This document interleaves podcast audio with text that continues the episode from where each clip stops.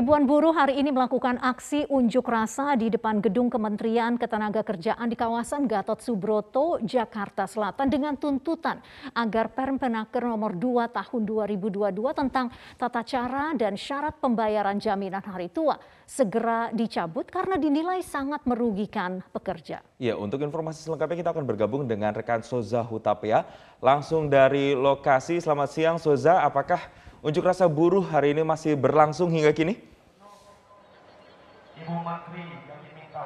Baik, selamat siang Jason. Bisa didengar juga bahwa sampai dengan saat ini, setidaknya sampai dengan pukul 1 waktu Indonesia Barat, aksi unjuk rasa dari para buruh masih berlangsung di depan gedung Kementerian Ketenagakerjaan. Meskipun begitu, saat ini saya berada di bagian dalam area parkir gedung Kementerian Ketenagakerjaan karena sesaat lalu baru saja dari pihak Kementerian Ketenagakerjaan meminta perwakilan dari 10 orang aliansi ataupun federasi serikat kerja ini untuk masuk berkonsolidasi bersama dengan perwakilan dari Kementerian Ketenagakerjaan. Kami menerima informasi bahwa yang akan menerima 10 orang perwakilan ini di antaranya ialah ada Menteri Ketenagakerjaan, kemudian ada juga Dirjen Hubungan Industrial. Namun awak media memang tidak diperbolehkan untuk melihat langsung bagaimana proses konsolidasi ataupun negosiasi yang tengah dilakukan di dalam. Dan informasi ini kami terima dari salah satu staf humas Kementerian Ketenagakerjaan.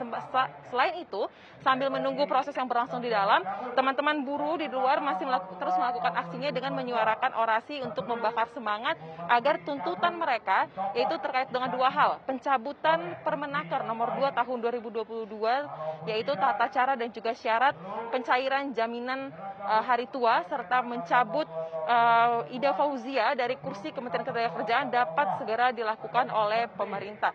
Dan oleh karena ini uh, JHT diminta dapat segera direalisasikan uh, pencabutannya setidaknya dua minggu sejak terhitung hari ini uh, aksi dilakukan. Untuk diketahui bersama juga Jason, polemik terkait dengan Permenaker nomor 2 tahun 2020 ini mulai bergulir karena dianggap tidak menguntungkan kaum pekerja ataupun juga kaum buruh. Karena ada sejumlah syarat yang dicantumkan agar dapat JHT ini dicairkan. Di antaranya ialah harus mencapai usia 56 tahun, kemudian pekerja tersebut uh, telah meng, uh, ataupun mengalami cacat total ataupun cacat permanen, kemudian juga meninggal dunia. Ketiga syarat inilah yang diberatkan oleh para pekerja karena selama ini dana JHT diketahui sering dimanfaatkan oleh pekerja yang di PHK ataupun yang telah mengundurkan diri untuk sebagai modal usaha melanjutkan kehidupannya. Namun karena adanya Permenaker nomor 2 tahun 2022, maka hal ini sudah tidak dimungkinkan lagi. Kendati demikian, pemerintah pernah mengatakan bahwa ada program jaminan kehilangan pekerjaan yang bisa dimanfaatkan, tapi program ini baru akan launching pada bulan Februari 2022 ini. Jaminan kehilangan pekerjaan pun akan menyantumkan sejumlah manfaat bagi para pekerja. Namun tetap saja jaminan dari kehilangan pekerjaan ini tidak akan mencukupi kebutuhan dari para pekerja melanjutkan hidupnya sampai nantinya mendapatkan pekerjaan lagi sebab jaminan kehilangan pekerjaan ini tidak memberikan uh, keuntungan bagi pekerja dengan status kontrak ataupun pekerja yang telah habis masa kontraknya. Oleh karena itu, sangat besar harapan dari teman-teman buruh yang ada di lokasi ini agar pemerintah dapat mencabut Permenaker nomor 2 tahun 2022 dan kembali kepada aturan di atasnya yaitu PP nomor 60 tahun 2015. Jason. Baik, terima kasih Soza Hutapea atas laporan langsung Anda dan selamat kembali bertugas. Iya, pemirsa kita beralih ke informasi lainnya. Mendiang Dorce Gamalama akan dimakamkan di TPU Bantar Jati, Bambu Apus, Jakarta Timur. Almarhum Dorce Gamalama akan dimakamkan secara laki-laki. Hal tersebut pemirsa dikonfirmasi keponakan Dorce Gamalama, Mimi, yang ditemui awak media. Menurut Mimi, pihak keluarga akan memakamkan Dorce Gamalama dengan syarat Islam. Dorce akan dimakamkan secara laki-laki meski dirinya berganti kelamin menjadi perempuan.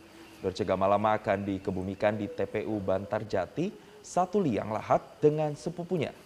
Sebelum dimakamkan, almarhum juga akan disalatkan di Masjid Al-Hayu yang merupakan masjid peninggalan Dorce. Saat ini pihak keluarga masih menunggu kakak dari Dorce yang akan datang dari Padang serta anak Dorce yang bertolak dari Surabaya sebelum melakukan prosesi pemakaman.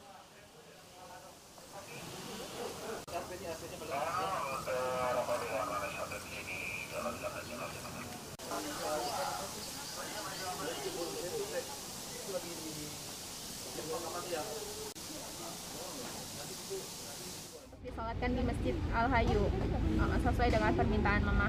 Dan uh, berarti akan dimakamkan secara uh, protokol COVID. Itu belum tahu, belum tahu. Aku juga belum dapat kabar karena aku juga kan nggak boleh masuk. Mbak. Uh, uh, ini juga masih nunggu suami dan juga anak-anaknya mama yang yang standby di dalam. Oke. Ya pokoknya kita akan menjalankan wasiat mama sesuai dengan syariat dan ajaran Islam. Karena Hmm. kita orang Islam, insya Allah kita akan mengikuti uh, syariat Islam. Allah ciptakan kita um, sebagai apa dan kita akan kembalikan lagi kepada Allah sebagai apa. Iya, pemirsa artis senior Dorce Gamalama meninggal dunia pagi tadi. Hingga saat ini jenazah masih berada di Rumah Sakit Pusat Pertamina Modular Simpruk Jakarta Selatan. Informasi selengkapnya kita akan bergabung bersama dengan Jean William dari RSPP. Kita langsung sapa selamat siang Jane William. Jane, sudahkah Anda mendapatkan informasi kapan kira-kira almarhum Dorce akan dikebumikan? Selamat siang Jason, Vivi dan juga pemirsa. Informasi yang baru saja kami terima bahwa jenazah ini sudah dibawa dari RSPP dan uh, sudah melakukan serangkaian prosedur sesuai dengan uh, untuk pemakaman protokol COVID-19 tadi setelah sudah dilangsungkan konferensi pers dari pihak RSPP Simpruk kemudian juga sudah dilakukan pemulasaran jenazah dan jenazah ini akan dibawa dari RSPP untuk disolatkan terlebih dahulu di Masjid Al Hayu 63 di Lubang Buaya, Jakarta Timur. Setelah itu, barulah jenazah akan dibawa ke TPU Bantar Jati Cipayung, Jakarta Timur untuk eh, untuk dimakamkan dengan atau sesuai dengan protokol COVID-19. Dan tadi eh, dikatakan bahwa eh, almarhum Dorce Gamalama ini sudah eh, dirawat atau dibawa ke RSPP Simpruk ini eh, sejak 8 Februari yang lalu. Dan pada saat masuk ke rumah sakit itu kondisinya sudah tidak baik sehingga langsung ditempatkan di ICU. Dari pihak rumah sakit juga sudah eh, melakukan upaya yang maksimal untuk bisa eh, memberikan pelayanan kesehatan yang terbaik untuk Dorce Gamalama namun disayangkan nyawa Dorce tidak bisa diselamatkan dan harus meninggal dunia. Dan karena meninggal dunia dalam kondisi positif COVID-19 maka pemakamannya pun dilakukan sesuai dengan protap COVID-19 tadi dari pihak perwakilan keluarga juga sudah hadir dan sempat memberikan keterangan pers kepada awak media dan mengungkapkan eh, terima kasih untuk pihak rumah sakit yang sudah berusaha semaksimal mungkin dalam menangani Dorce. Dan juga eh, mohon dimaafkan apabila ada kesalahan almarhum selama hidup. Dan mohon du- didukung doa juga untuk almarhum. Dan tadi kami juga melihat dari pihak keluarga ini juga sudah meninggalkan RSPP Simprok ini untuk melakukan eh, prosesi selanjutnya yaitu eh, menyolatkan jenazah di masjid kemudian juga untuk prosedur pemakamannya. Namun karena memang ini jenazah dalam kondisi positif COVID-19 kan ini memang dibatasi jadi pihak keluarga tidak bisa melihat secara langsung eh, bagaimana atau melihat secara langsung dari segala lama di saat terakhirnya karena memang eh, dibatasi begitu karena dalam kondisi positif COVID-19. Untuk sementara demikian. Jason, Vivi kami kembalikan ke Lain pemirsa dan kembali kita lanjutkan informasi terkait dengan pemimpin Korea Utara Kim Jong Un yang menghadiri acara peringatan 80 tahun kelahiran ayahnya Kim Jong Il. Perayaan dilakukan dengan konser musik dan penghormatan senjata. Kantor Berita Korea Utara melaporkan peringatan hari kelahiran Kim Jong Il berlangsung di kota Samjeon, Korea Utara. Ini merupakan hal baru bagi Korea Utara untuk mengadakan perayaan di wilayah terpencil. Acara peringatan ini juga berlangsung hikmat tanpa ada peluncuran rudal atau parade militer. Kim Jong-un meletakkan karangan bunga di patung dan memberikan penghormatan kepada mantan pemimpin Korea Utara tersebut. Tidak diketahui apakah Kim memberikan pernyataan setelahnya. Sementara itu pemirsa ulang tahun Kim Jong Il sendiri ditetapkan sebagai hari besar nasional yang dikenal sebagai Hari Bintang Cemerlang.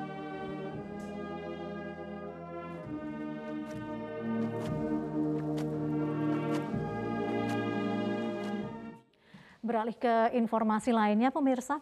Eh, Festival Iglo kembali berlangsung di Siberia. Iya, ratusan tim berkompetisi untuk membangun iglo dengan struktur terbaik di laut yang membeku.